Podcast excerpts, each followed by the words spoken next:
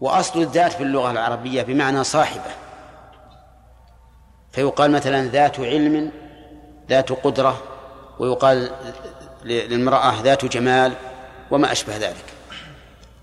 كذا. فهي ذات بمعنى صاحبة تضاف إلى صفة. نقلها المتكلمون من كونها تضاف إلى صفة وجعلوها اسما للموصوف. فقالوا كل موصوف قائم بنفسه فهو ذات. فمثل أصل ذات الله يعني ذات الألوهية. فنقلوا كلمة ذات إلى المعنى إلى الشيء القائم بنفسه وقطعوه عن الإضافة. ولم تكن من كلام العرب. ولا يعرفها العرب بهذا المعنى أي بأنها قائمة مقام إيش؟ مقام النفس. لكن هم لما قالوا ذات علم قالوا إذن معناه علم صفة وذات موصوف. فنقول إن الموصوف نطلق عليه اسم ذات. فقالوا الله وصفاته. بدل الله وصفاته قالوا الذات ها؟ والصفات. لكن لا مشاحة في الاصطلاح. يعني أن العلماء تقبلوا هذا وصاروا يقولون ذات وصفات. صفات الذات صفات الأفعال. وإلا فهي في الأصل ليست من من من كلام العرب. وأظن أنه مر علينا أننا ذكرنا أن معناها خمسة أو أربعة. لها معاني خمسة أو أربعة. لكن الخمسة بناء على اصطلاح المتكلمين. إن الذات بمعنى النفس. طيب. ويأتي إن شاء الله بقية الكلام على الأسماء. بالنسبة لقول النبي صلى الله عليه وسلم. أن إبراهيم كذب ثلاث كذبات في ذات الله. نعم. أليس معناته في نفس الله؟ لا لا. في ذات الله في في جهته. يعني أو في حقه أو ما أشبه ذلك. لأنه يعني ما هو ما ما كذب في في نفس الله. كذب في الشيء المتعلق بالله. نعم. ذكرت أقسام الصفات. التقسيم الأول والتقسيم الثاني. أي نعم. إيش الفرق بين التقسيم هذا والتقسيم وش التقسيم الثاني؟ التقسيم الأول اللي هو فعلية وثبوتية وخبريه التقسيم هذا أنه صفات كمال محضه وصفه إيه؟ التقسيم هذا. الأول من جهة أن أن الصفات إما مثبتة لله ولا منفية عنه. فتنقسم من هذا بهذا الانقسام إلى ثبوتية وسلبية. وذكرنا هذا أظن في أول المقدمة ولا لا؟ تكلمنا عليه في أول المقدمة نعم. على أن إن شاء الله سنعود ونكمل البحث في الأسماء والصفات لأننا نرى أننا قصرنا في تقسيم الصفات لأن قسمناها بما سبق التقسيم الأخير إلى ذاتية وفعلية وخبرية. تقسيم آخر؟ لا. نعم. إلى كمال مطلق وإلى نقص مطلق. ولكن هذا نعم. وإلى كمال مقيد. هنا نعم. هل توجد صفة مشتركة بين أن تكون خبرية وتكون ذاتية؟ إيش معنى خبرية ذاتية؟ لا إحنا قسمناها بالأقسام الثلاثة إلى المعنوية. اللازم لله. الصفات الذاتية قلنا هي الصفات المعنوية الثابتة لله أزلا وأبدا. الخبرية هي الصفات التي مسماها أبعاد وأزلان. فهمت؟ لكن هي باعتبار الثبوت كالصفات الأولى. يعني أنها دائمة. لم يزل الله ولا يزال متصفا بها. العلو. نعم. أليس كما ذكر كيف العلو؟ العلو أليس صفة ذاتية خبرية؟ لا. لا ما هي ما هي خبرية. ليس خبرية. لا. صفة ذاتية وعقلية. حتى العقل دل على أن الله موصوف بالعلو. بسم الله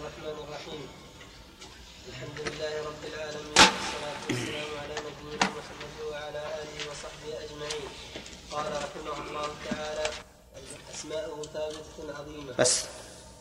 بسم الله الرحمن الرحيم. الحمد لله رب العالمين. والصلاة والسلام على نبينا محمد وعلى آله وأصحابه أجمعين. قال المؤلف رحمه الله تعالى أسماؤه ثابتة عظيمة. أسماء الله تعالى ثابتة أي حق واقع. لقوله تعالى ولله الأسماء الحسنى فادعوه بها. وذروا الذين يلحدون في أسمائه سيجزون ما كانوا يعملون. والبحث في أسماء الله تعالى من عدة أوجه. أولا هل أسماء الله تعالى مشتقة أو غير مشتقة؟ بمعنى أنها هل تتضمن معاني وأوصافا أو لا تتضمن؟ والجواب أنها تتضمن. كل اسم منها يتضمن الصفة التي اشتق منها. حتى الله اسم الله يتضمن صفة. وهي الألوهية وهي الألوهية. فأسماء الله تعالى إذن أعلام دالة على صفة كل اسم. أسماء الله كلها تتضمن صفة ولولا ذلك ما كانت حسنى. لولا أنها تتضمن معنى لم تكن حسنى. لأنها إذا لم تتضمن معنى صارت أسماء جامدة. أسماء جامدة لا معنى لها. وإذا كانت أسماء جامدة لا معنى لها فأين يأتيها الحسن؟ والله عز وجل وصفها بأنها حسنى أي فضلة يعني أي بالغة في الحسن كماله. طيب. إذا ما من اسم إلا ويتضمن صفة. ما من اسم إلا ويتضمن صفة. وقد يتضمن صفتين أو أكثر. وقد يتضمن صفتين أو أكثر. لكن تضمنه الصفتين أو الأكثر يكون عن طريق الالتزام يعني من باب دلالة اللزوم أو الالتزام. فمثلا الخلاق من أسماء الله. يتضمن صفة الخلق. يتضمن صفة الخلق. ويستلزم صفة العلم والقدرة.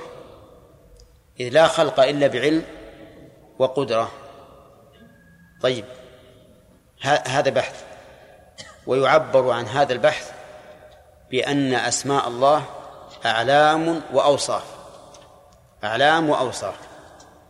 فباعتبار دلالتها على الذات هي أعلام. وباعتبار دلالتها على المعاني هي أوصاف. كذا طيب يترتب على هذا البحث هل هي متباينة أو مترادفة؟ هل هي متباينة أو مترادفة؟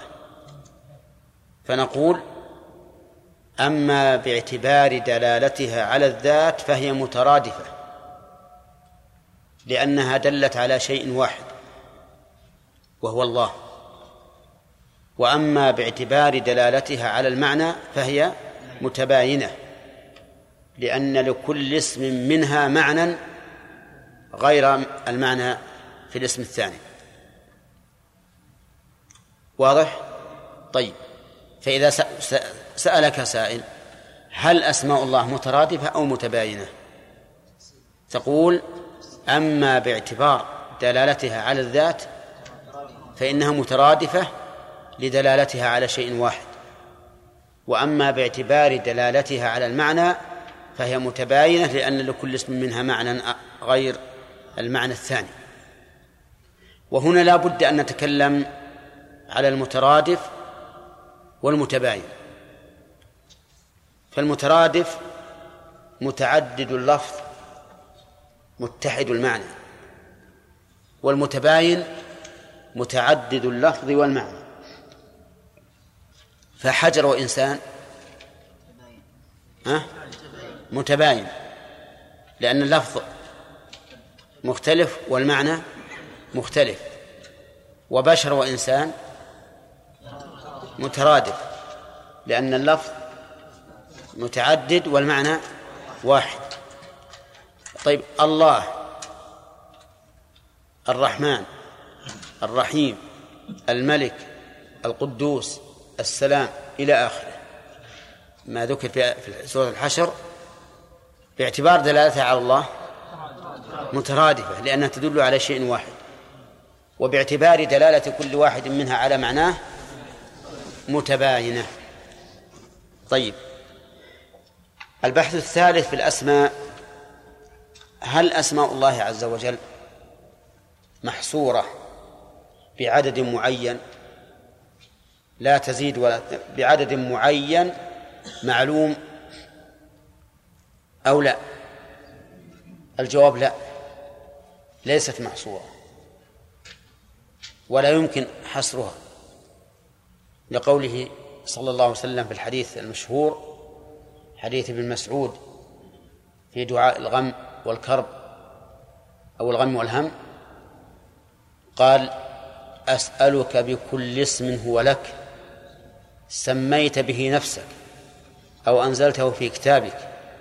أو علمته أحدا من خلقك أو استأثرت به في علم الغيب عندك أن تجعل القرآن العظيم ربيع قلبي إلى آخره. الشاهد قوله أو استأثرت به في علم الغيب عندك وهذا يدل على أن من أسماء الله ما استأثر الله به وما استأثر الله به فلا يمكن الوصول إليه. لأنه لو أمكن الوصول الوصول إليه لم يكن مستأثرا به. ولهذا قال استأثرت به في علم الغيب. عندك. فإذا ليست أسماء الله محصورة. ولا يمكن حصرها. فإذا قال قائل كيف نجمع بين هذا وبين قوله صلى الله عليه وسلم إن لله تسعة وتسعين اسما من أحصاها دخل الجنة.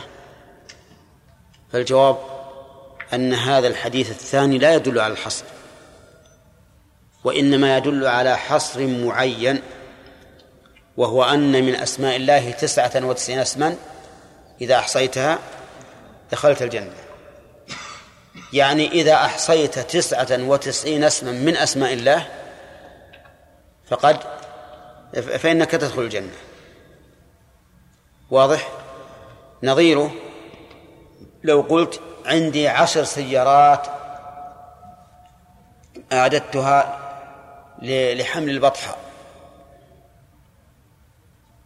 هل معنى ذلك أنه ليس عندك إلا عشر؟ ها؟ لا. لأن لكن هذه العشر خصت بأنها معدودة أو معدة لحمل البطحة. في سيارات أخرى معدة لحمل الخشب معدة لحمل الرجال لحمل الأمتعة. المهم أن مثل هذا التعبير لا يدل على الحصر. فإذا قال قائل ما الفائدة من هذا الكلام؟ إذا قلت إذا قلنا إنه لا يدل على الحصر قلنا الفائدة من أجل أن يبحث المكلف عن هذه الأسماء من الكتاب والسنة حتى يدركها.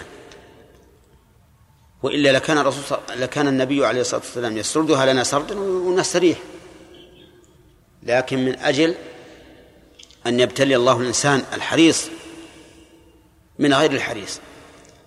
الحريص هو الذي يبحث عن الشيء حتى يصل إليه وغير الحريص هو الذي يقول إن كان الشيء سهل إن كان الشيء سهلا أخذته وإن كان صعبا يحتاج إلى مراجعة وإلى بحث فلا حاجة. طيب إذن أسماء الله محصورة ولا غير محصورة؟ طيب أسماء الله غير محصورة. ودليل حديث ابن مسعود وأما حديث إن الله تسعة وتسعين اسما من أحصاها دخل الجنة فلا يدل على الحصر. البحث الرابع في أسماء الله سبحانه وتعالى. هل يسمى بها غيره؟ هل يسمى بها غيره؟ فالجواب أن من أسماء الله ما لا يسمى به غيره مثل الله. ما يمكن تسمي أحدا بهذا الاسم. لا على سبيل إرادة المعنى ولا غيره. الرحمن أيضا قال العلماء لا يجوز أن يسمى به غيره. ولا يوصف به غيره أيضا. لأن الألوهية والرحمة الواسعة الشاملة التي هي وصف لازم للمرحوم آه، للراحم هذه لا تكون إلا لله. أما بقية الأسماء فها فهي إن قصد بها ما يقصد بأسماء الله من الدلالة على العلمية والوصفية فإنها ممنوعة. وإن قصد بها مجرد العلمية فليست ممنوعة. فالحكم والحكيم من أسماء الله. من أسماء الله. فإذا سمينا شخصا بالحكم أو بحكيم ولم نقصد معنى الحكمة فيه ولا معنى الحكم فهنا لا بأس به. وفي الصحابة من اسمه حكيم وفيهم من اسمه الحكم. وإن قصدنا بذلك المعنى الذي اشتققنا منه هذا الاسم فهذا لا يجوز. لأن هذا من خصائص إيش؟ أسماء الله. هي التي يراد بها الاسم والوصف. ولهذا إذا سمينا رجلا بصالح فإنها فإنه جائز ولا يغير الاسم. لأننا ما قصدنا بذلك التزكية أي وصفه بالصلاح. ما سميناه صالحا لأنه صالح. سمينا صالح مجرد علم مجرد علم. سمينا شخصا بسلمان آه لأنه سالم؟ لا قد يكون من أتعس الناس. قد يكون يوم تكسر رجله ويوم تكسر يده. ويوم يفلق راسه ويوم يختش ظهره. وليس في السلام. ومع ذلك نسميه إي نعم نسميه سلمان وكذلك سليمان. فالمهم أنه إذا لم يقصد المعنى في, في الاسم فإنه جائز. مجرد علم فقط. المبحث الخامس أو السادس؟ الخامس. هل أسماء الله هل أسماء الله؟ السادس أظن. إيه نعم. عده لنا عده لنا. أول أن أسماء الله كلها حسنى. طيب. ثانيا أن أن أسماء الله على ما أوصاف أسماء الله أنها مترادفة باعتبار ومتباينة باعتبار.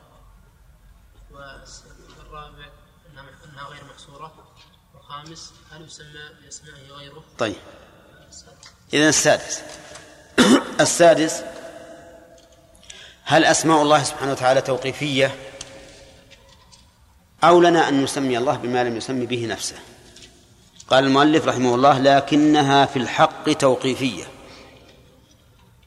لكنها أي أسماء الله عز وجل في الحق أي في القول الحق الصحيح توقيفية أي موقوفة على ورود الشرع بها. موقوفة على ورود الشرع بها.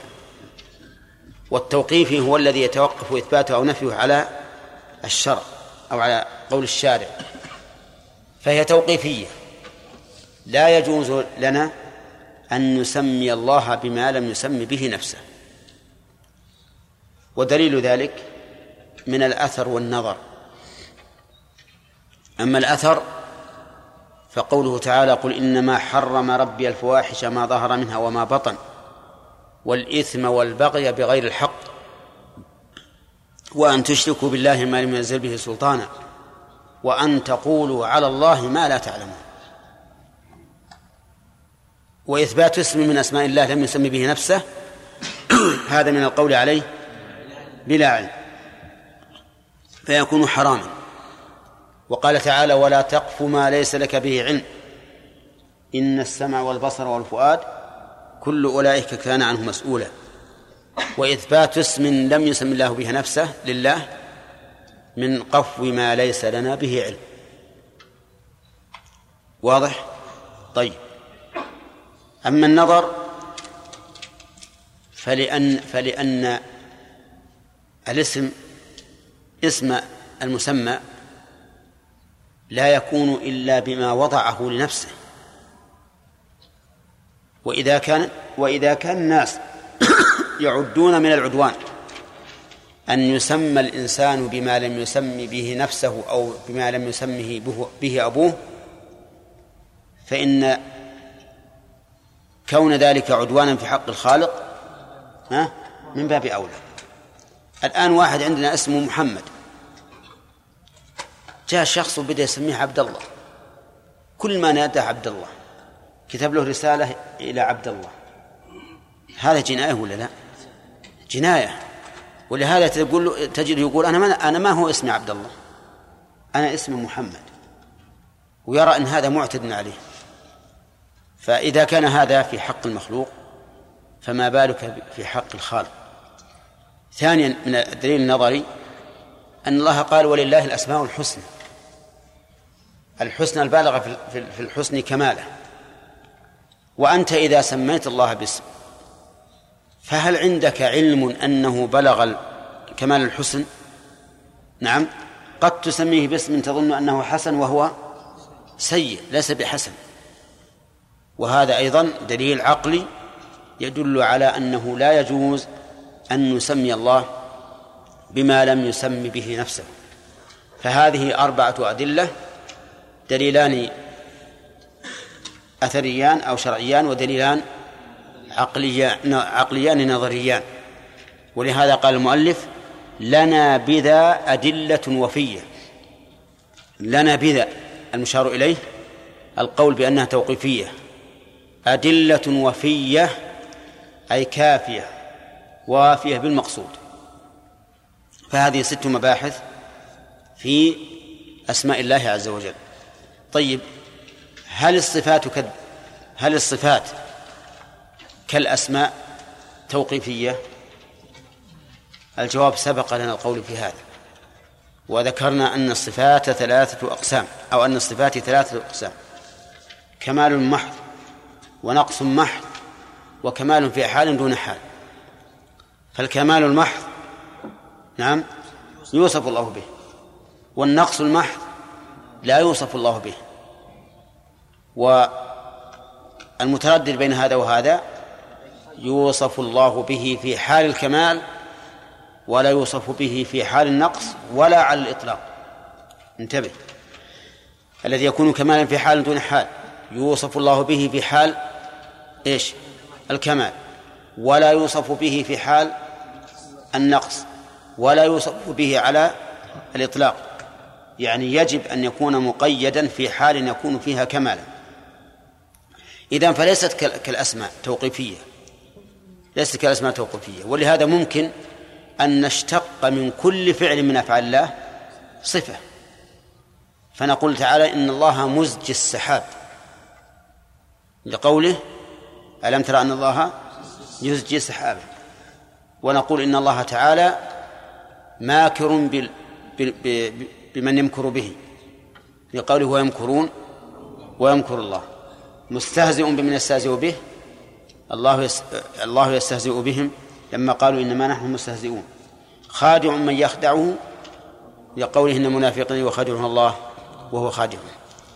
وعلى هذا فقس. ثم قال له الحياة والكلام والبصر سمع إرادة وعلم واقتدر بقدرة تعلقت بممكن. نعم. كذا إرادة فعي واستبني. له الضمير يعود على من؟ الله. الحياة والكلام والبصر. سمع هذا على تقدير. عاطف. أي وسمع. إرادة كذلك. على تقدير عاطف أي وإرادة. وعلم واقتدر. بقدرة القدرة فهذه سبع صفات سبع صفات أثبتها المؤلف رحمه الله لله عز وجل. وس وسنبين أن في كلامه إيهاما بأنه لا يثبت إلا هذه الصفات السبع. ولكن له كلام آخر بأنه يجب إثبات كل ما وصف الله به نفسه في قوله فيما سبق فأثبتوا النصوص بالتنزيه فكل ما جاء من الآيات نعم أو صح في الأخبار عن ثقات من الأحاديث نمره كما قد جاء ولا ولا نرد ذلك ذاك بالعقول. فإن كلامه السابق يدل على أننا نثبت لله تعالى كل ما أثبته لنفسه من الصفات. أولا له الحياة. يعني أن الله تعالى موصوف بالحياة. وهذا مذكور في القرآن في عدة مواضع. قال الله تعالى الله لا إله إلا هو الحي القيوم. الحي القيوم. من أين أثبتنا الحياة؟ من قوله الحي. لأنه سبق لنا أن أن الاسم يدل على الذات ها وعلى الصفة. فالحي يدل على أن هناك ذاتا توصف بالحياة. إذن له الحياة. حياة الله عز وجل حياة كاملة ليس فيها نقص بوجه من الوجوه. قال الله تعالى الله لا إله إلا هو الحي القيوم لا تأخذه سنة ولا نوم. وقال تعالى وتوكل على الحي الذي لا يموت. فحياته عز وجل لم تسبق بعدم ولا يلحقها موت ولا يعتريها سنة ولا نوم لأنها حياة كاملة حياة المخلوق ناقصة في أولها وآخرها وأثنائها فهي حياة مسبوقة بعدم ملحوقة بموت مخلوطة بنوم وسنة. ويأتي إن شاء الله بقية الكمال نعم. بسم الله. بسم الله الرحمن الرحيم. الحمد لله رب العالمين والصلاة والسلام على نبينا صلى الله عليه وسلم. وعلى آله وصحبه أجمعين. قال المؤلف رحمه الله تعالى له الحياة والكلام والبصر سمع إرادة وعلم واقتدر بقدرة تعلقت بممكن فلا إرادة تعيب السبل. والعلم والكلام قد تعلقا بكل شيء يا خليل مطلقا. بسم الله الرحمن الرحيم. الحمد لله رب العالمين والصلاة والسلام على نبينا محمد وعلى آله وأصحابه أجمعين. قال المؤلف رحمه الله له الحياة. شرع المؤلف في بيان الصفات على سبيل التفصيل. فقال له الحياة. لمن؟ لله عز وجل. والحياة هنا ال فيها للاستغراق؟ يعني الحياة الكاملة. أو لبيان الحقيقة وتعرف الحقيقة بحسب ما تضاف إليه الصفة. فالحياة المضافة إلى الله ليست كالحياة المضافة إلى البشر أو إلى المخلوق على صفة العموم. حياة الله عز وجل أزلية أبدية أي لم يزل ولا يزال حيا. ثم هي حياة أيضا كاملة لا يعتريها نقص بوجه من الوجوه. قال الله سبحانه وتعالى وتوكل على الحي الذي لا يموت فهذا منع فهذا فيه الامتناع عن زوال هذه الحياة. الله لا إله إلا هو الحي القيوم لا تأخذه سنة ولا نوم وهذا منع لوصفها بالنقائص. فهي حياة كاملة ليس فيها سنة ولا نوم. حياة دائمة ليس فيها موت. حياة أزلية لأنها لم تسبق بعدم. وكل حياة البشر أو بل كل حياة المخلوق مسبوقة بعدم. كل المخلوقات حياتها مسبوقة بالعدم. كذلك أيضا قابلة للزوال. قابلة للزوال. جميع حياة الأحياء قابلة للزوال غير الله عز وجل. حتى ما خلق للبقاء كالروح وغلمان أهل الجنة والحور. هذه خلقت للبقاء وستبقى لكنها قابلة قابلة للزوال. لو شاء الله تعالى لأهلك لأهلكها.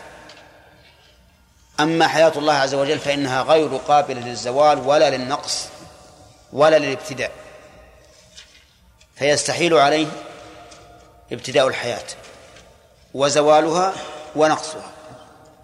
ولهذا قال عز وجل لا تأخذه سنة ولا نوم. بخلاف حياة الإنسان فإنه وإن وإن امتنع عن النوم لو لو حاول أن يطال أن يبتعد عن النوم فلا بد أن يأخذه النوم أو يهلك. ولهذا عبر بقول لا تأخذه أي لا تغلبه. ولم يقل لا ينام لأن البشر قد يحاول أن لا ينام. ولكن لو حاول أن لا ينام فلنقصه لا بد أن تأخذه السنة والنوم أو يهلك. أما الرب عز وجل فإنه لا تأخذه السنة والنوم. وفي الحديث الصحيح إن الله لا ينام ولا ينبغي له أن ينام. فانتفى بذلك غلبة النوم والسنة عليه عز وجل بنص القرآن وأنه وأنه لا ينام ولا بإرادته لأن ذلك من المستحيل عليه لقوله ولا ينبغي له أن ينام. لأن النوم نقص. النوم نقص. ونحن إنما ننام لنقصنا لا لكمالنا. ننام من أجل من أجل إيش؟ من أجل الراحة عما مضى. واستجلاب القوة لما يستقبل. أما الله عز وجل فإنه لم يزل ولا يزال قويا وخلق السماوات والأرض في ستة أيام وما مسه من لغوب. فالحاصل أن الله له الحياة الكاملة. أزلا ابتداء وانتهاء واستمرارا. فابتداء لم تسبق وانتهاء لا يلحقها زوال. واستمرارا أنها حياة كاملة لا يعتريها سنة ولا نوم ولا نقص بأي نوع. بأي نوع من أنواع النقص. لا تأخذه سنة ولا نوم. طيب. ثانيا له الكلام. له الكلام. فهو سبحانه وتعالى يتكلم. والكلام كمال. ولهذا يعد الخرس عيبا ونقصا. فله الكلام. وكلامه سبحانه وتعالى بحرف وصوت. لأننا نجد أن ما يتكلم الله به حروف حروف. ونعلم أن كلامه يسمع ويرد عليه. يسمع ويرد عليه. أما الأول وهو أن كلامه بحرف فهو أشهر من أن يذكر. كل الكلام الذي ذكره الله عن نفسه نجده بحروف. فمثلا القرآن الكريم. سماه الله تعالى كلاما له فقال وإن أحد من المشركين استجارك فأجره حتى يسمع كلام الله. حتى يسمع كلام الله. ومعلوم أن القرآن حروف ولا لا؟ حروف. كله حروف.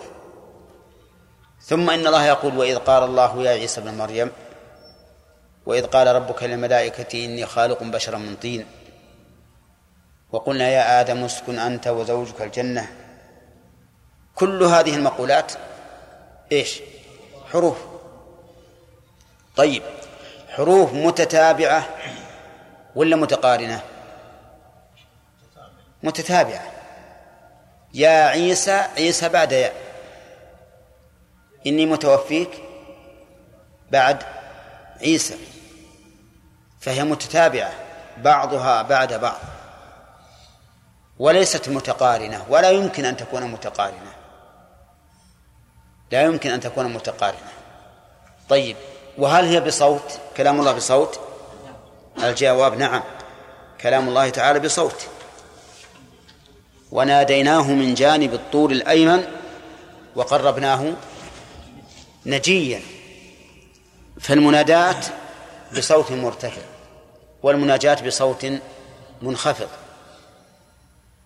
وكل ذلك وصف الله به نفسه ناديناه وقربناه نجيا ثم إن المحاورة التي تقع بين الله وبين رسله تكون بشيء مسموع بلا شك أليس كذلك؟ فإن موسى عليه الصلاة والسلام لما كان الله يحاوره وما تلك بيمينك يا موسى. قال هي عصاي أتوكأ عليها وأهش بها على غنمي ولي فيها مآرب أخرى.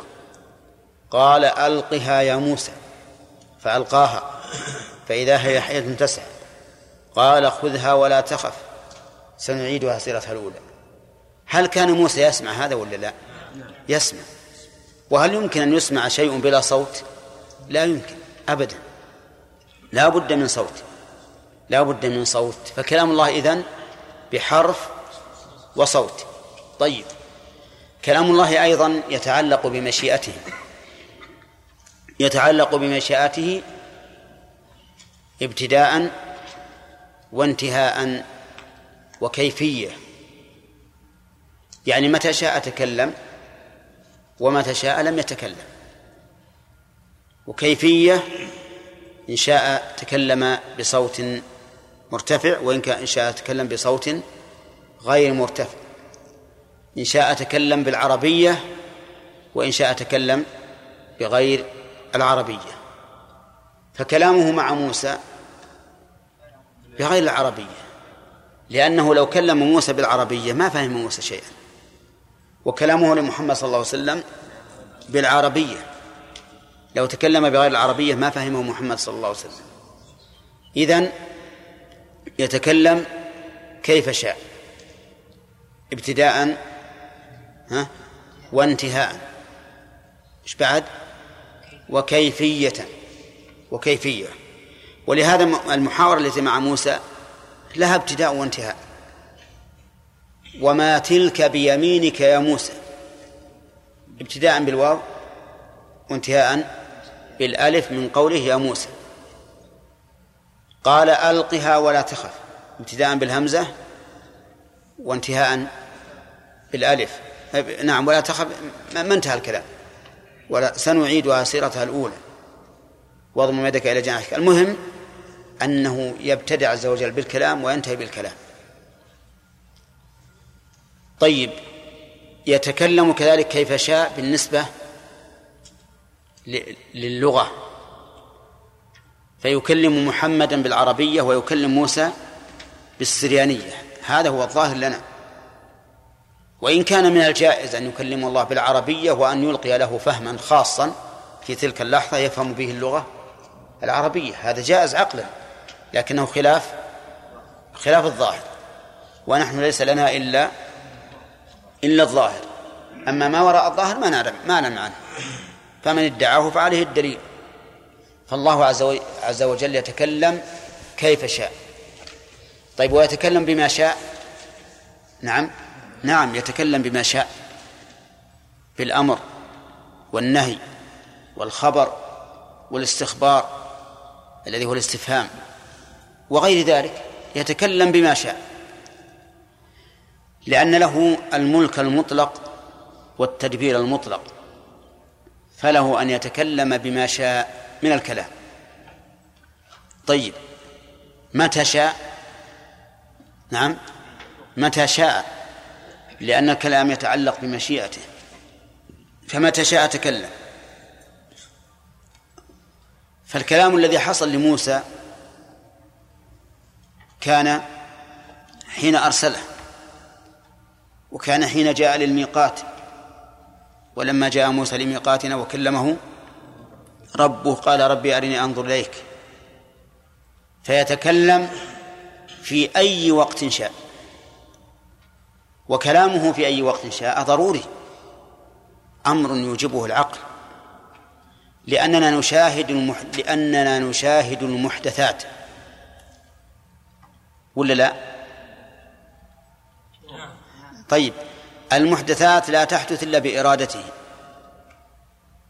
وإذا أراد شيئا فإنما يقول له كن فيكون. إذا لا بد أن يتعلق الكلام بمشيئته. متى شاء تكلم بما يريد عز وجل من الأمور من من الكلام الكوني والكلام الشرعي. المهم أن كلام الله تعالى يتعلق بمشيئته. ولهذا قال أهل العلم من أهل السنة إن الله يتكلم بحرف وصوت بما شاء متى شاء كيف شاء. بما شاء متى شاء كيف شاء. هذا مذهب أهل السنة والجماعة في كلام الله عز وجل. وهو مذهب كما ترون. تؤيده الأدلة الشرعية والأدلة العقلية والأدلة اللغوية لأن الكلام لا يعقل إلا بحرف وصوت. وقال أهل البدع قولا كثيرا في الكلام بلغ إلى ثمانية أقوال بالإضافة إلى قول أهل السنة والجماعة. وذكر ابن القيم رحمه الله وتجدونها في مختصر الصواعق المرسلة آه، نذكر منها قولين مشهورين. القول الأول قول الجهمية والمعتزلة وأتباعهما. يقولون إن الله تعالى يتكلم بكلام يسمع وبحرف ومتى شاء وبما شاء ولكن ليس كلامه صفة فيه. بل كلامه مخلوق من مخلوقاته بائن منه. يخلق كلاما في الهواء كلاما في جهة معينة ثم يسمع فيضاف إلى الله إضافة تشريف إضافة تشريف وخلق. كما أضاف الله إلى نفسه البيت في قوله طهر بيتي وكما أضاف إلى نفسه الناقة في قوله ناقة الله وسقياها وكما أضاف إلى نفسه المساجد في قوله ومن أظلم ممن منع مساجد الله يذكر فيها اسمه.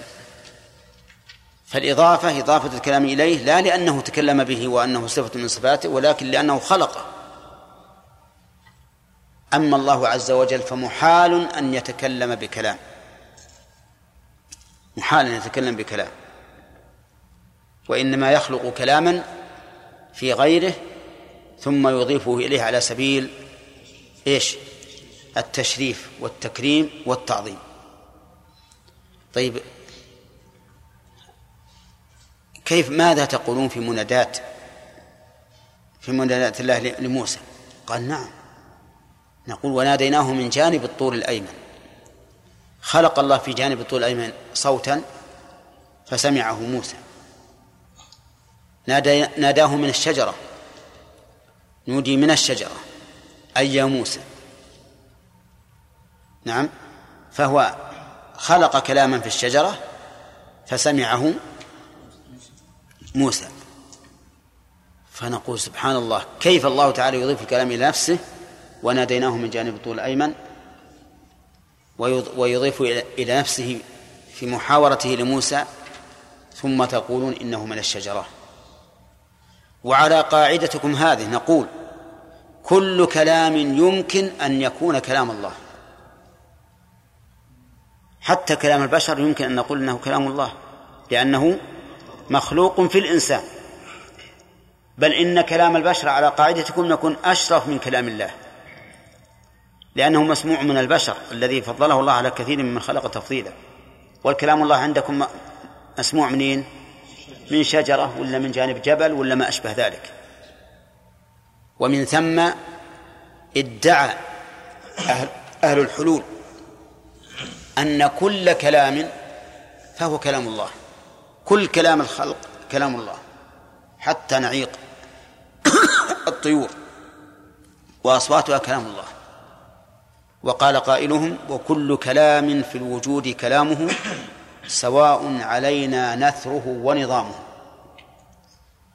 كل كلام في الوجود فهو كلام الله. هذا هذا معقول ولا لا؟ يعني حتى اللي يتكلم باللعن والسب والشتم ويشتم الله ورسله وكتبه يعتبر كلامه كلام الله عند أهل الحلول. لكن هذا القول وإن كان الجهمية والمعتزلة ينكرونه لكنه لازم لهم. لأنكم إذا صححتم أن ما يضاف إلى الله من الكلام يكون كلام غيره فلا فرق بين أن يكون كلام البشر أو كلام الشجرة وجانب الطور وما أشبه ذلك. وعلى هذا هذا المذهب لا يوصف الله تعالى بالكلام في الواقع وإنما يوصف بأنه خالق الكلام. انتبه بأنه خالق الكلام. ومن ثم بنوا على على هذا قولهم إن القرآن مخلوق. يقول القرآن مخلوق غير منزل. ويقول حتى لو قلنا إنه منزل فليس كل منزل مخلوقا. فالله أنزل من السماء ماء والماء النازل من السماء مخلوق. وأنزل لكم من الأنعام ثمانية أزواج. والأنعام مخلوقة. وأنزلنا الحديد فيه بأس شديد. والحديد مخلوق. شوف كيف التلبيس. ها؟ تلبيس إبليس. نعم.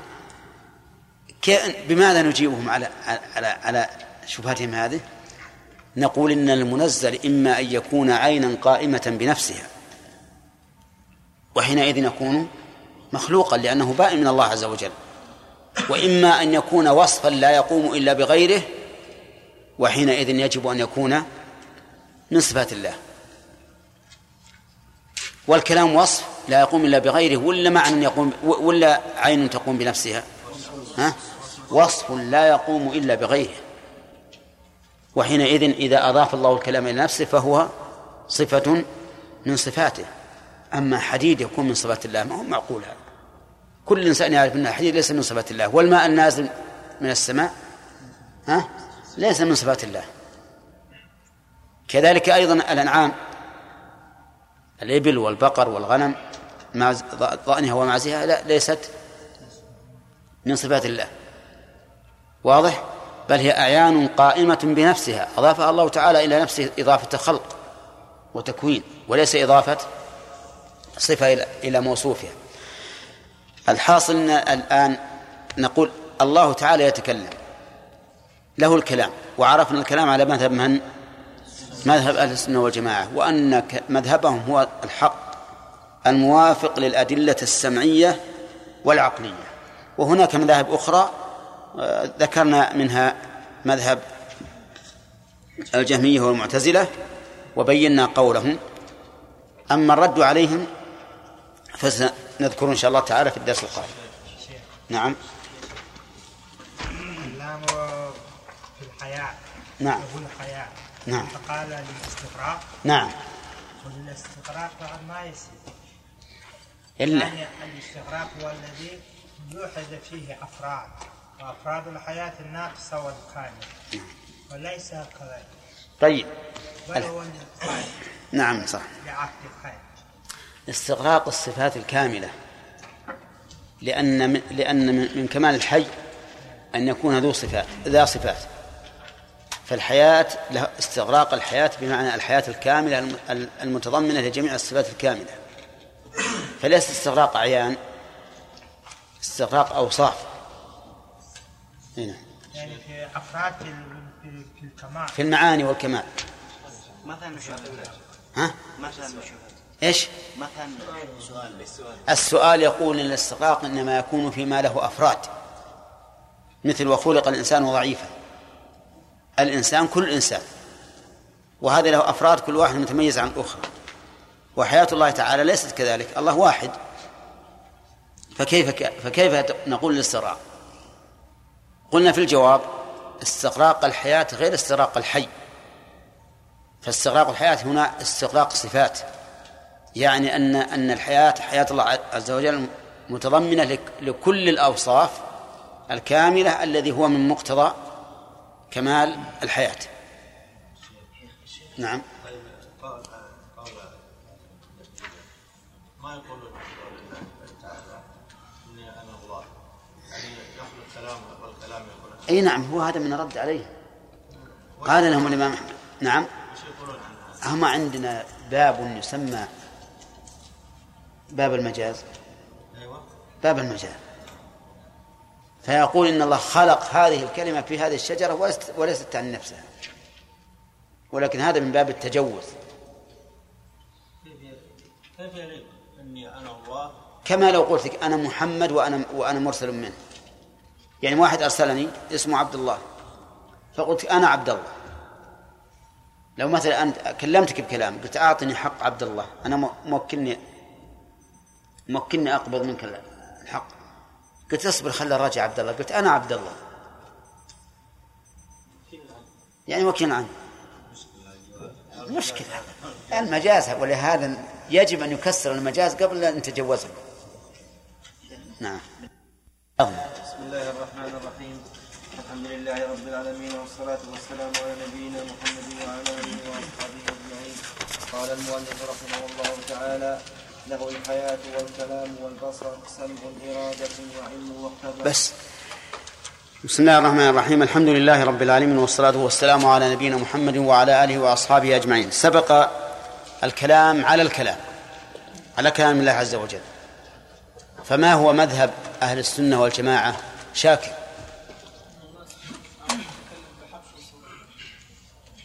كمل متى أشياء كيف نعم. أشياء كيف شاء؟ ما هي بكيف ما؟ ها؟ كمل أيضا.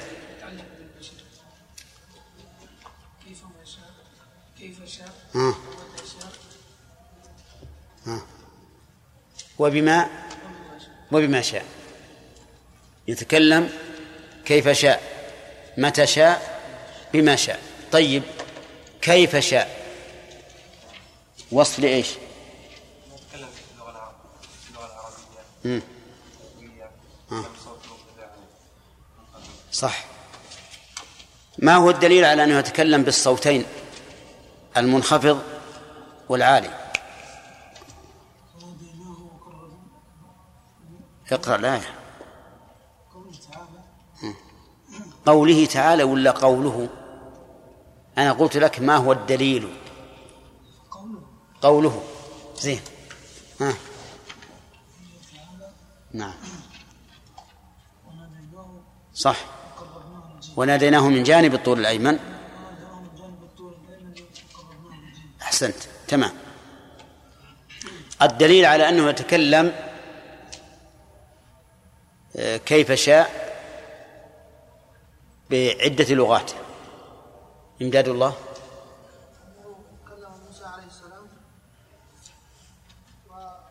وكلم محمدا صلى الله عليه وسلم نعم. موسى عليه السلام لا يعرف العربية. نعم. والنبي صلى الله عليه وسلم يعرف العربية ولا يعرف غيرها نعم. هذا دليل على أنه والله تعالى لا يتكلم لا يكلم أحدا بما لا يعرف لأن هذا عبث ولا فائدة منه. قلنا إن فيه احتمالا ها ما هو؟ لأنه الله عز وجل قد يكلم موسى عليه السلام بالعربية مم. ويلقي في في فهم في نفسه فهما لها في ذلك الوقت. طيب. آه، أجبنا عن هذا. نصر. خلاف الظاهر. فيحتاج إلى إقامة دليل على أن الله تعالى أعطاه فهما. وإذا والله سبحانه وتعالى إذا كان عز وجل قادرا على أن يتكلم باللغة العربية فهو قادر على أن يتكلم بغيرها. طيب متى شاء الأخ يعود على إيش؟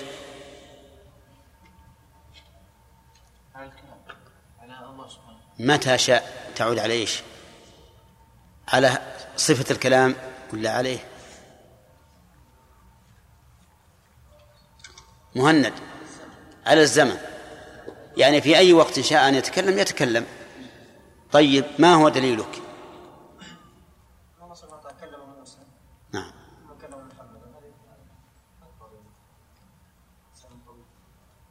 هذا هذا تعليل ما تأتي ما تأتينا بدليل. ها. وجه الدلالة. من الآية. ما, ما في الآية كلام محمد. محمد؟ أي نعم. أن هذا النداء كان مقيدا بظرف وهو إذ إذ نادى. أي وقت مجيئه أو وقت مناداته. فيه أيضا آية أصرح من هذا. ولما. قال ربي قال لن تراني ولكن انظر إلى الجبل. طيب. فإن قوله لما جاء موسى ولما وكلمه دليل على أن التكليم وقع بعد مجيء موسى. طيب. وكذلك أيضا المحاورة التي جر- التي جرت بين الله وبين وبين موسى في سورة طه آه، بما شاء تعود. يلا خالد. بما شاء. ها. تعود على الكلام. فإن شاء الله عز وجل يتكلم بالأمر والنهي والخبر أو الأمور الكونية أو الأحكام الشرعية. طيب أحسن.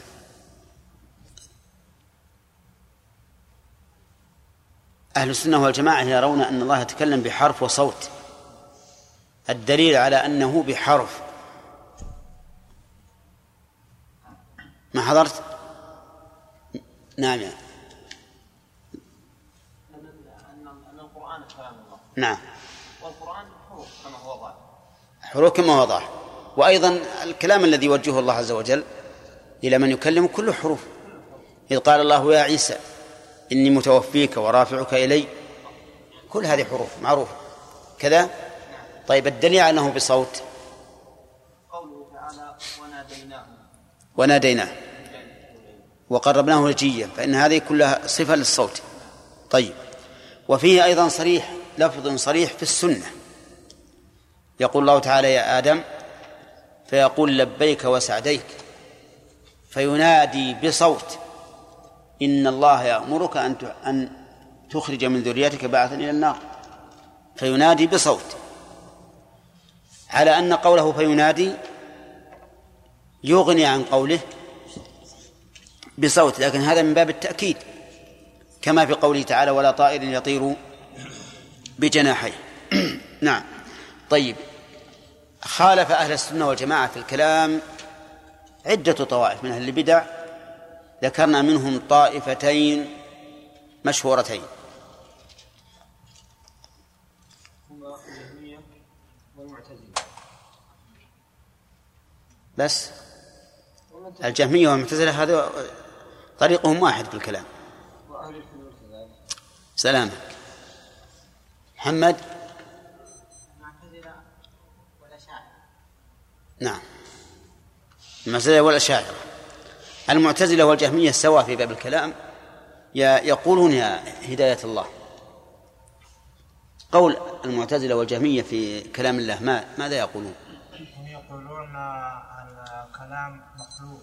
الكلام مخلوق. وليس ب ليس بصفة من صفات الله عز وجل. طيب وإذا قلنا لهم ما دليلكم على أنه مخلوق؟ وهم يقول لا أفيد نعم.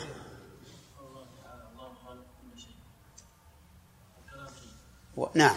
وخلق كل شيء. والكلام شيء. فالله خالقه طيب. الله سبحانه وتعالى آه، أنزل من السماء بالحديد وأنزل من السماء. قالوا إن إضافة الإنزال إلى القرآن لا يقتضي أنه صفة. لا لا ولا يمنع أن يكون مخلوقا لأن الله تعالى أضاف الإنزال إلى المخلوقات فقال أنزل من السماء ماء وأنزلنا الحديد فيه بأس شديد وأنزل لكم ثم- ثمانية أزواج. نعم. واضح؟ طيب. ما هو الرد عليهم بما استدلوا به؟ أولا من الآية وأظن ما ما, ما ذكرتها لكم. ها؟ ثانيا من من ذكر الإضافة إضافة إلى الله حيث قالوا إن هذا إضافة تشريف وتكريم وليس إضافة الصفة محمد. أول من الآية نقول يعني الله خالق كل شيء يعني يصلح للخلق خالق كل شيء مخلوق. وأما القرآن فهو صفة من صفات الله عز وجل وصفات الله غير مخلوقة لأن الصفة تابعة للموصوف. وخالق كل شيء تدل على خالق ومخلوق ولا لا؟ خالق ومخلوق. فيجب أن يكون المخلوق بائنا منفصلا عن الخالق كما لو قلنا صانع ومصنوع. فإن إذا قلنا مثل هذا صانع القدر فالقدر ليس من صفاته بل هو بائن عنه. إذن فالمخلوق الذي خلقه الله بائن عن الله عز وجل. ومن المعلوم أن الكلام معنى يقوم بالغير. ليس معنى مست... ليس عينا قائمة بنفسها.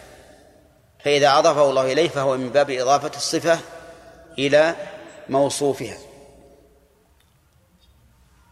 طيب وأما بالنسبة لقولهم إن الله أنزل الحديد والأنعام والمطر وهي مخلوقة فنقول هذه أعيان قائمة بنفسها.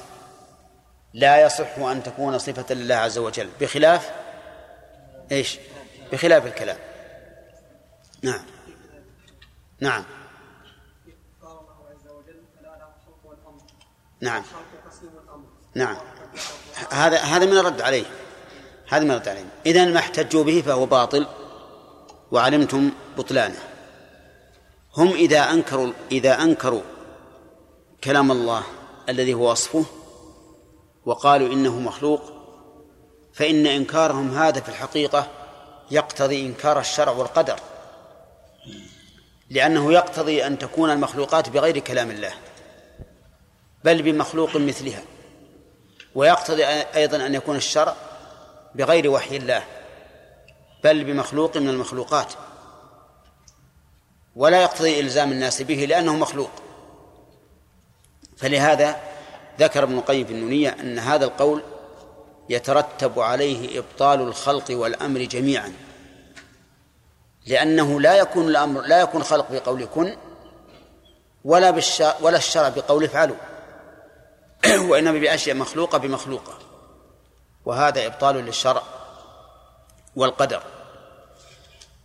طيب ذكرنا أنه يلزم على قولهم غير ما ذكر ابن القيم من إبطال الشرع والقدر يلزم عليه أن يكون كل كلام الناس إيش؟ كلام الله. لأنهم إذا ادعوا أن الكلام المخلوق يكون كلاما لله نقول إذن كلام المخلوقات كلام لله لأنه مخلوق وهذا شيء ممتنع. طيب أما الأشاعرة فقالوا قولا يقضى منه العجب. قالوا أظن شرحناه.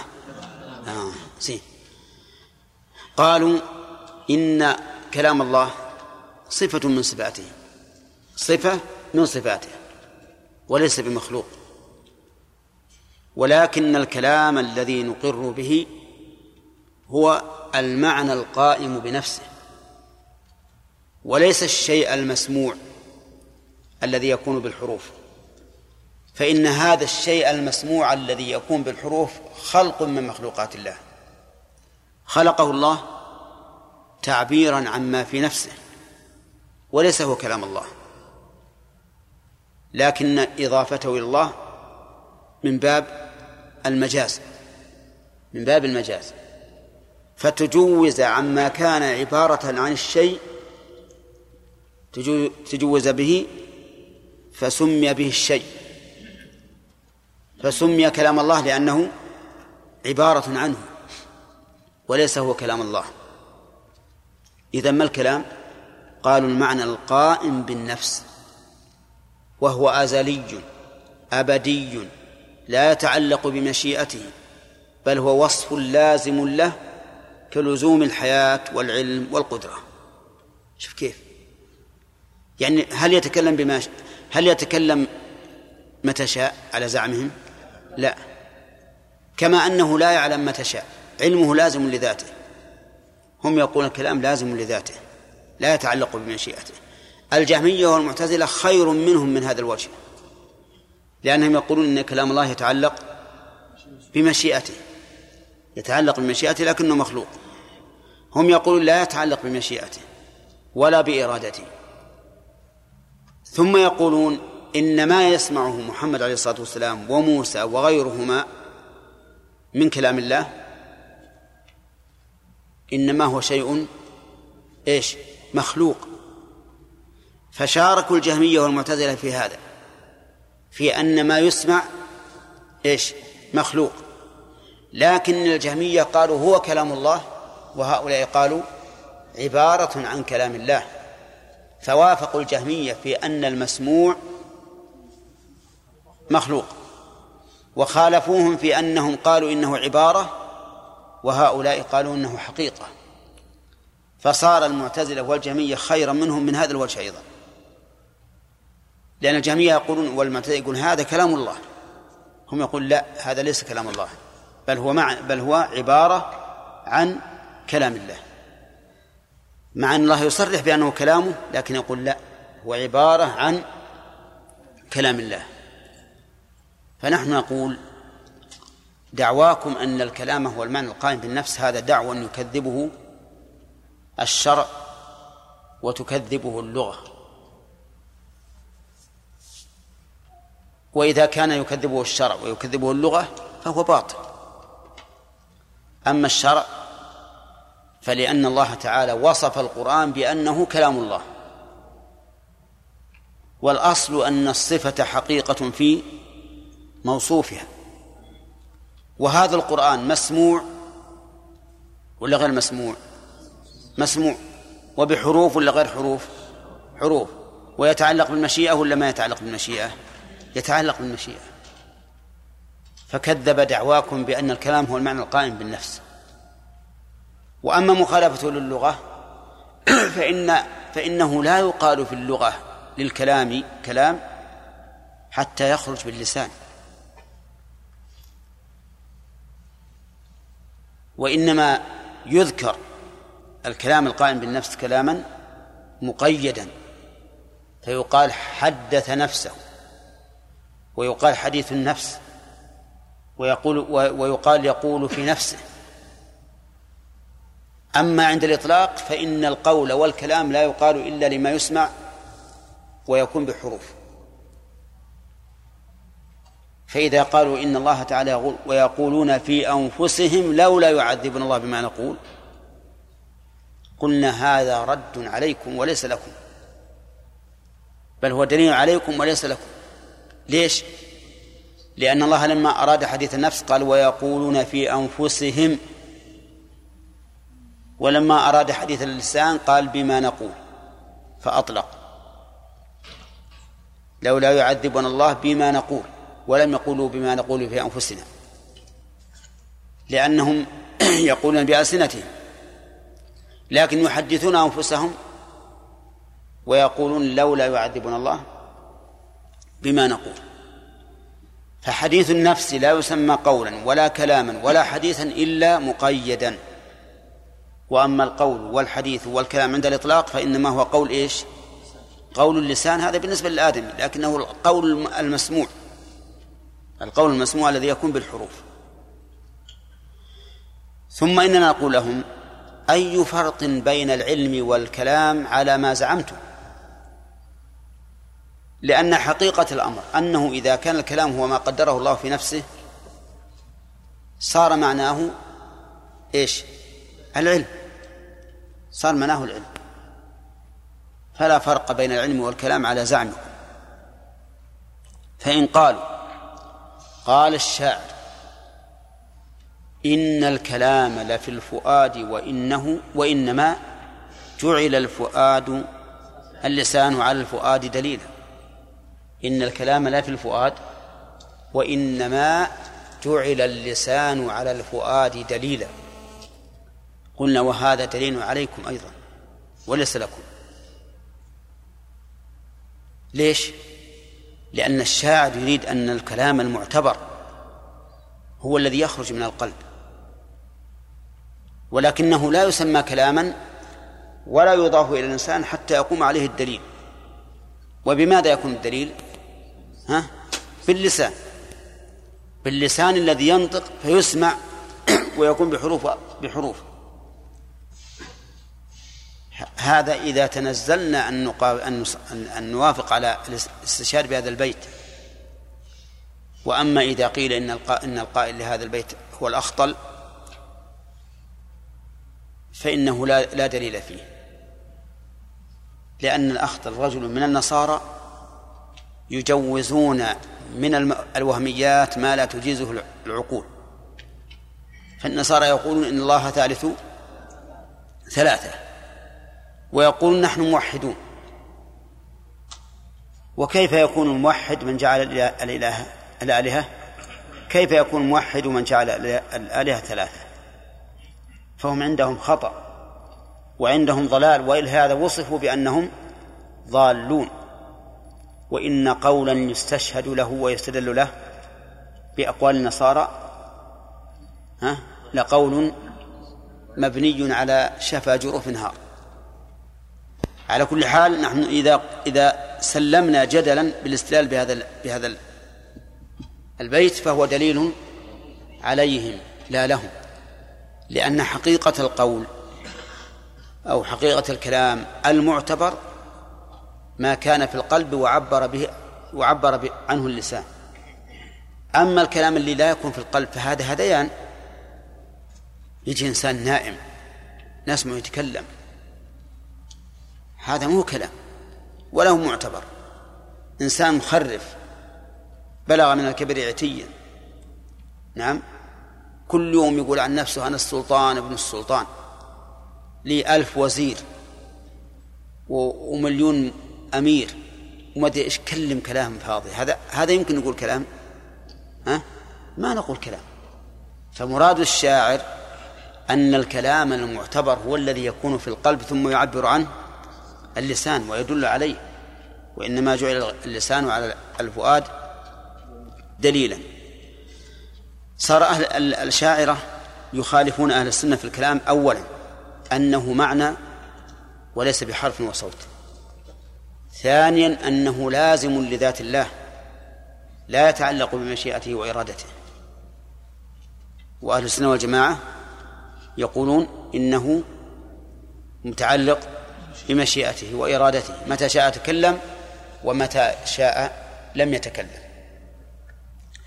طيب إذا قال قائل على أي شيء بنى المعتزلة قولهم وعلى أي شيء بنى الأشاعرة قولهم؟ نقول أما المعتزلة فبنوا قولهم على نفي الصفات عن الله.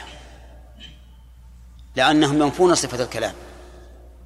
يقولون لا يتكلم فهم يثبتون الأسماء ولا يثبتون الصفات. وأما الأشاعرة فبنوا قولهم على امتناع قيام الحوادث بالله. وقالوا الشيء الحادث الذي تكون الذي يكون بالمشيئة لا يقوم بالله أبدا. لماذا؟ قالوا لأن الحادث لا يقوم إلا بحادث. فإذا قامت بالله الحوادث لازم من ذلك أن يكون حادثا. وهذا لا شك أنه خطأ.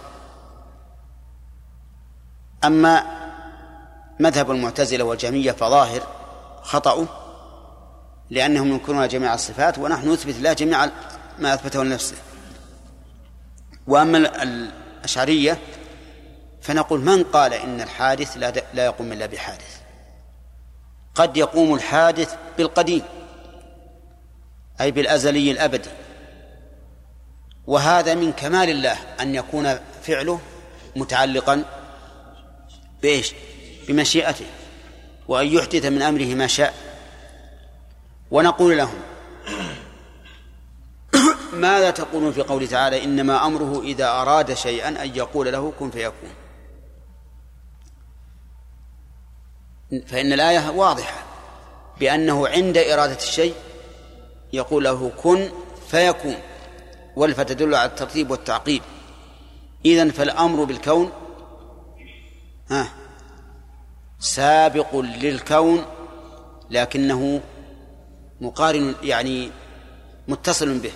كن فيكون. فإن ادعوا أن المراد يقول في الأزل كن. فالجواب أن هذا خلاف الظاهر. لأن كن فيكون تدل على أن هذه عقب هذه. وهذا يستلزم أن يكون قوله حادثا عند وجود ما أراده عز وجل. نعم.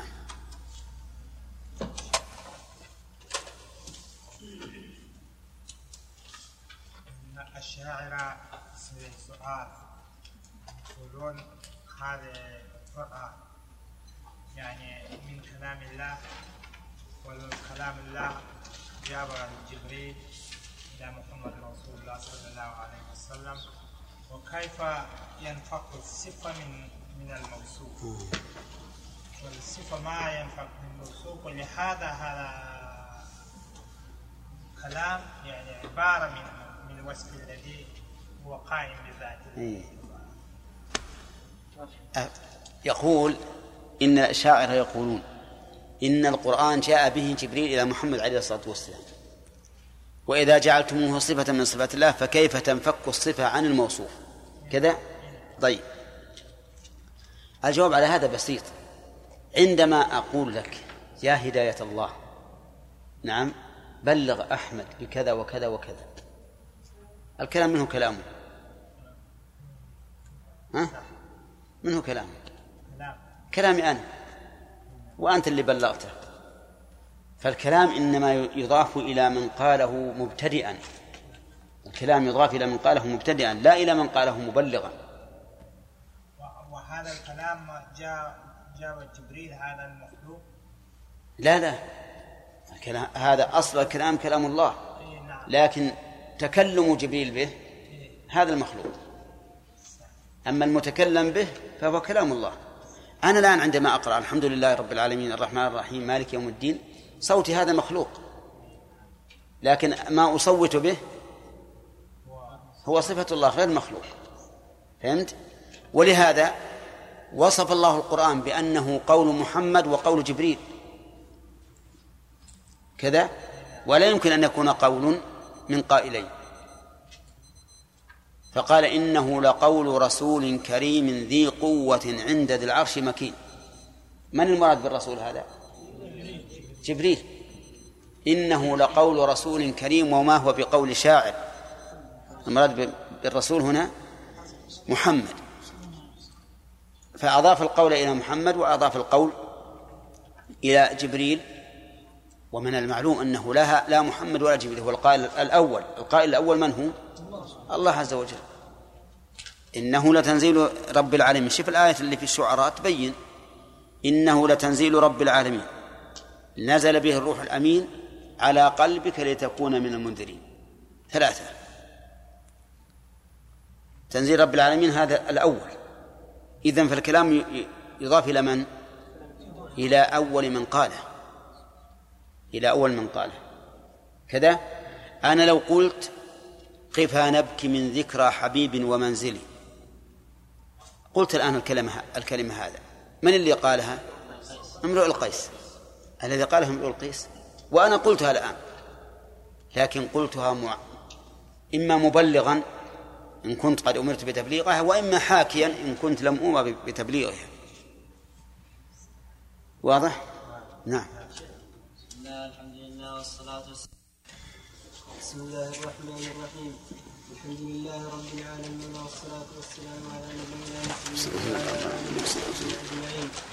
قال المؤلف رحمه الله تعالى له الحياة والكلام والبصر سمع الإرادة وعلم والقدر. بس. بسم الله الرحمن الرحيم. الحمد لله رب العالمين والصلاة والسلام على نبينا محمد وعلى آله وأصحابه أجمعين. سبق لنا من صفات الله عز وجل الحياة وكذلك الكلام. قال والبصر يعني وله البصر. والبصر هو رؤية الشيء الأشياء. رؤية الأشياء. وقد أثبت الله لنفسه وقد أثبت الله في كتابه أنه بصير بصير بما يعمل العباد. وأخبر النبي عليه الصلاة والسلام أن لله بصرا. في قوله حجابه النور لو كشفه لأحرقت سبحات وجهه ما انتهى إليه بصره من خلقه.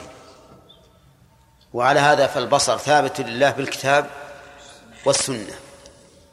لكن هذا الحديث الذي ذكرناه هو بصر الرؤية.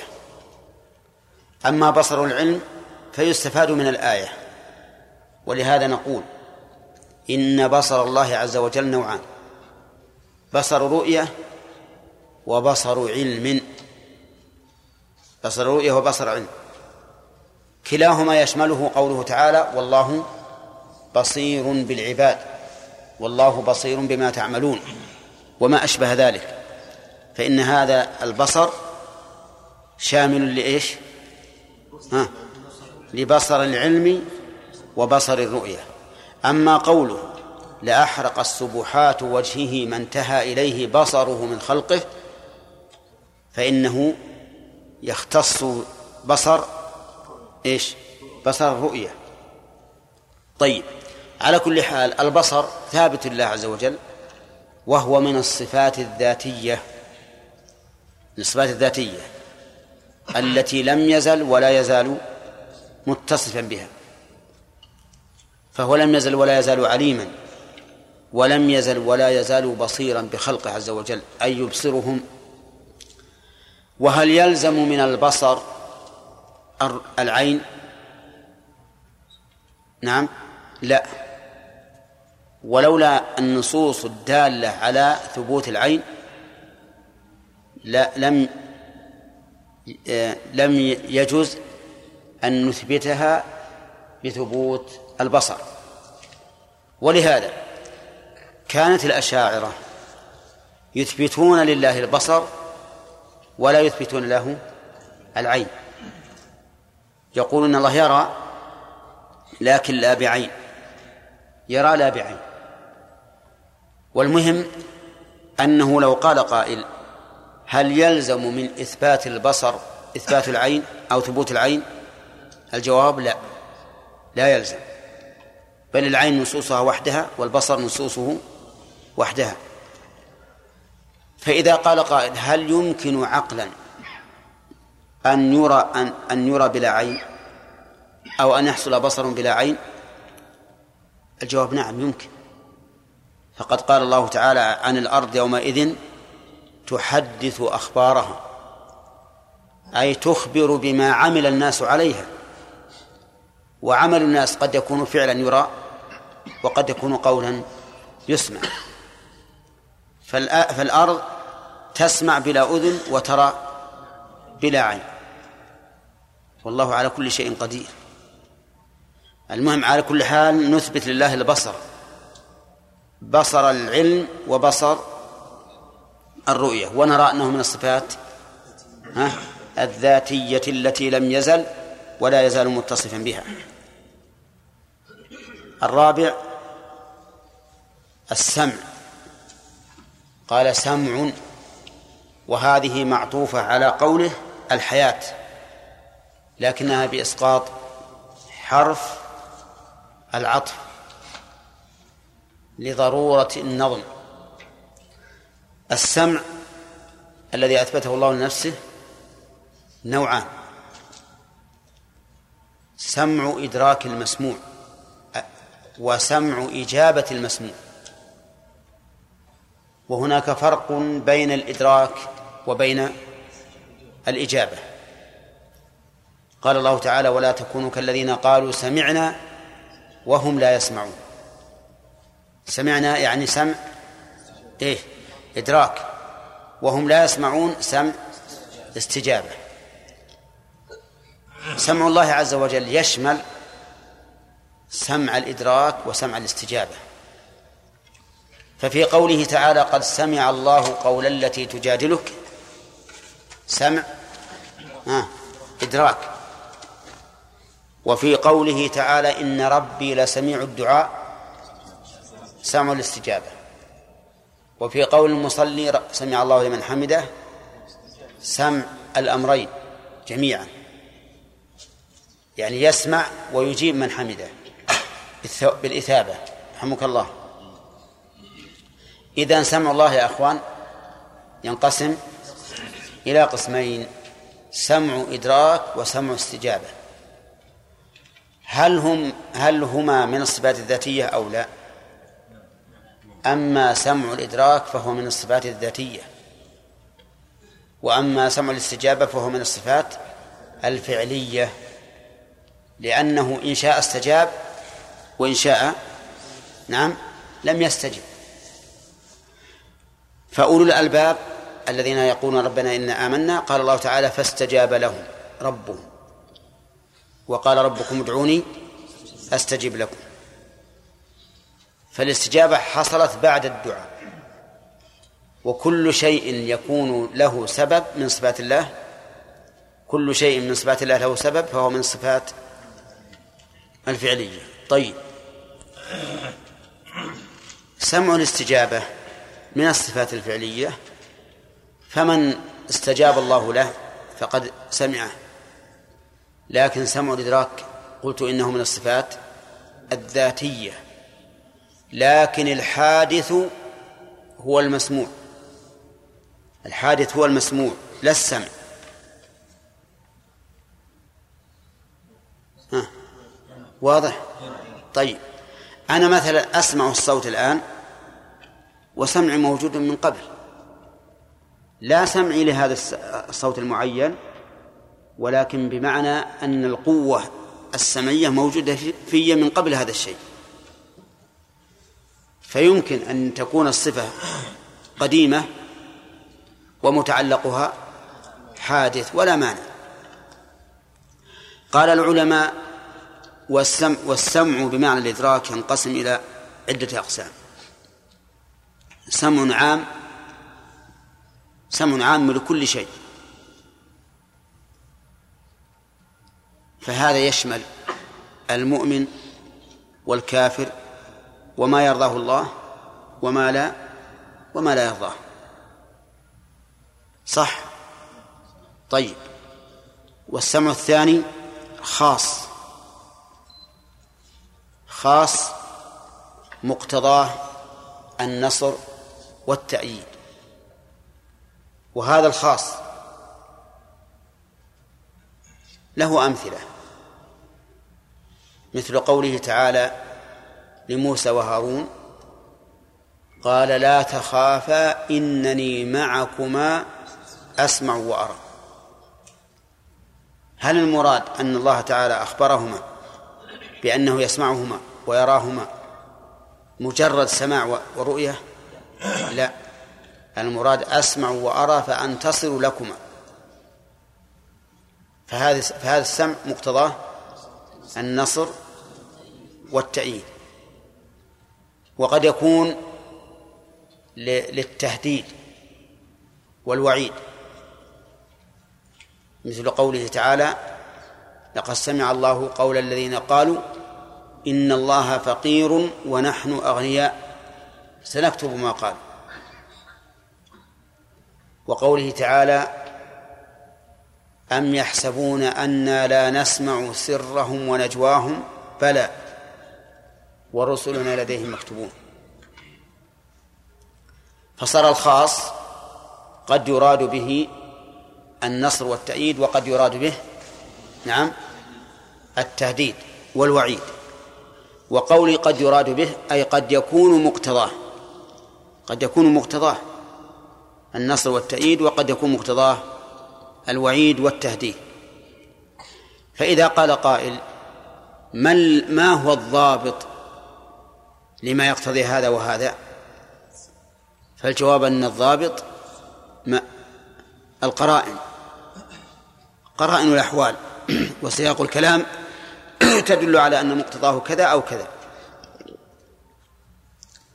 خلاصة السمع الآن أن سمع الله تعالى ينقسم إلى قسمين عيسى. ها. سمع إدراك وسمع استجابة. نعم. طيب. سمع الاستجابة مثاله؟ نعم.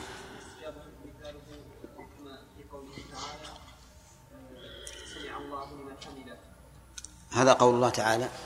نعم هذا قول المصلي نعم هذا قول المصلي سمع الله لمن حمده نعم. نعم. الأخ مثال آخر. إن ربي لسميع الدعاء. مثل قوله تعالى إن ربي لسميع الدعاء أي مستجيب. الدعاء لقوله تعالى وقال ربكم ادعوني أستجب لكم. طيب. سمع الإدراك ذكرنا أنه ينقسم أيضا إلى قسمين. نعم. لا لا أقسام قسم سمع الإدراك ينقسم إلى كم؟ لا لا ما هو الدليل. قسم أولا ثم أتي بالدليل الدال على التقسيم. نعم. قسمان خاص وعام. قسمان خاص وعام مثال العام.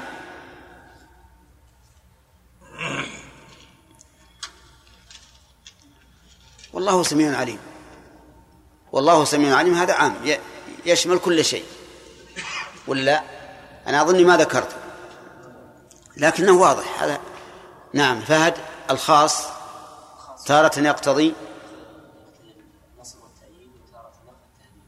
طيب مثال ما يقتضي النصر والتأييد. لا تخافا نعم. أصبر الذي يقتضي الثدي أمداد الله.